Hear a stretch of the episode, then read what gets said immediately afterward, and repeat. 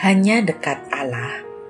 31 Agustus 2021 Pujian Allah. Ayub 1 ayat 6 sampai 12 Pada suatu hari datanglah anak-anak Allah menghadap Tuhan. Dan di antara mereka datanglah juga iblis. Maka bertanyalah Tuhan kepada iblis, dari mana engkau?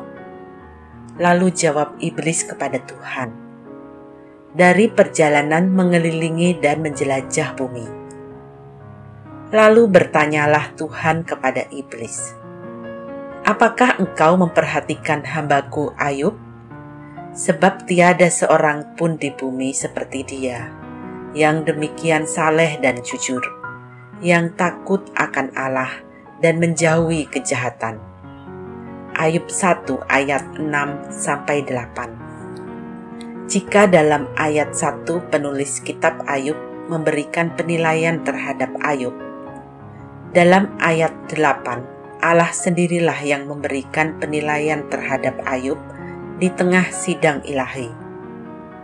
Dalam Alkitab Bahasa Indonesia masa kini tertera, di seluruh bumi Tak ada orang yang begitu setia dan baik hati seperti dia. Ia menyembah aku dan sama sekali tidak berbuat kejahatan. Itulah pujian Allah kepada Ayub. Menariknya, pujian Allah itu ditentang iblis.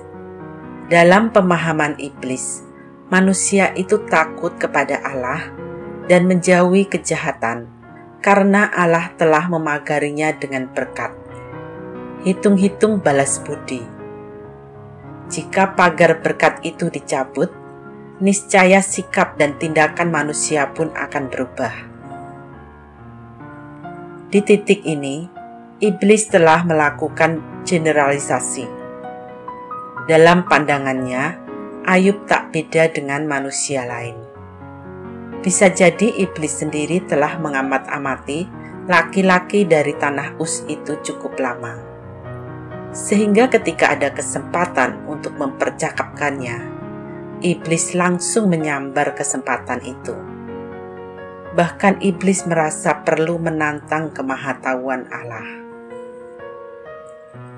Menariknya, Allah sendiri lebih percaya kepada Ayub ketimbang iblis dalam kemahatauannya yang sempurna, Allah mengizinkan iblis untuk mengambil semua milik Ayub.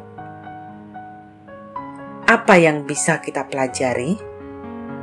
Pertama, tak ada sesuatu yang terjadi dalam diri kita di luar izin Allah.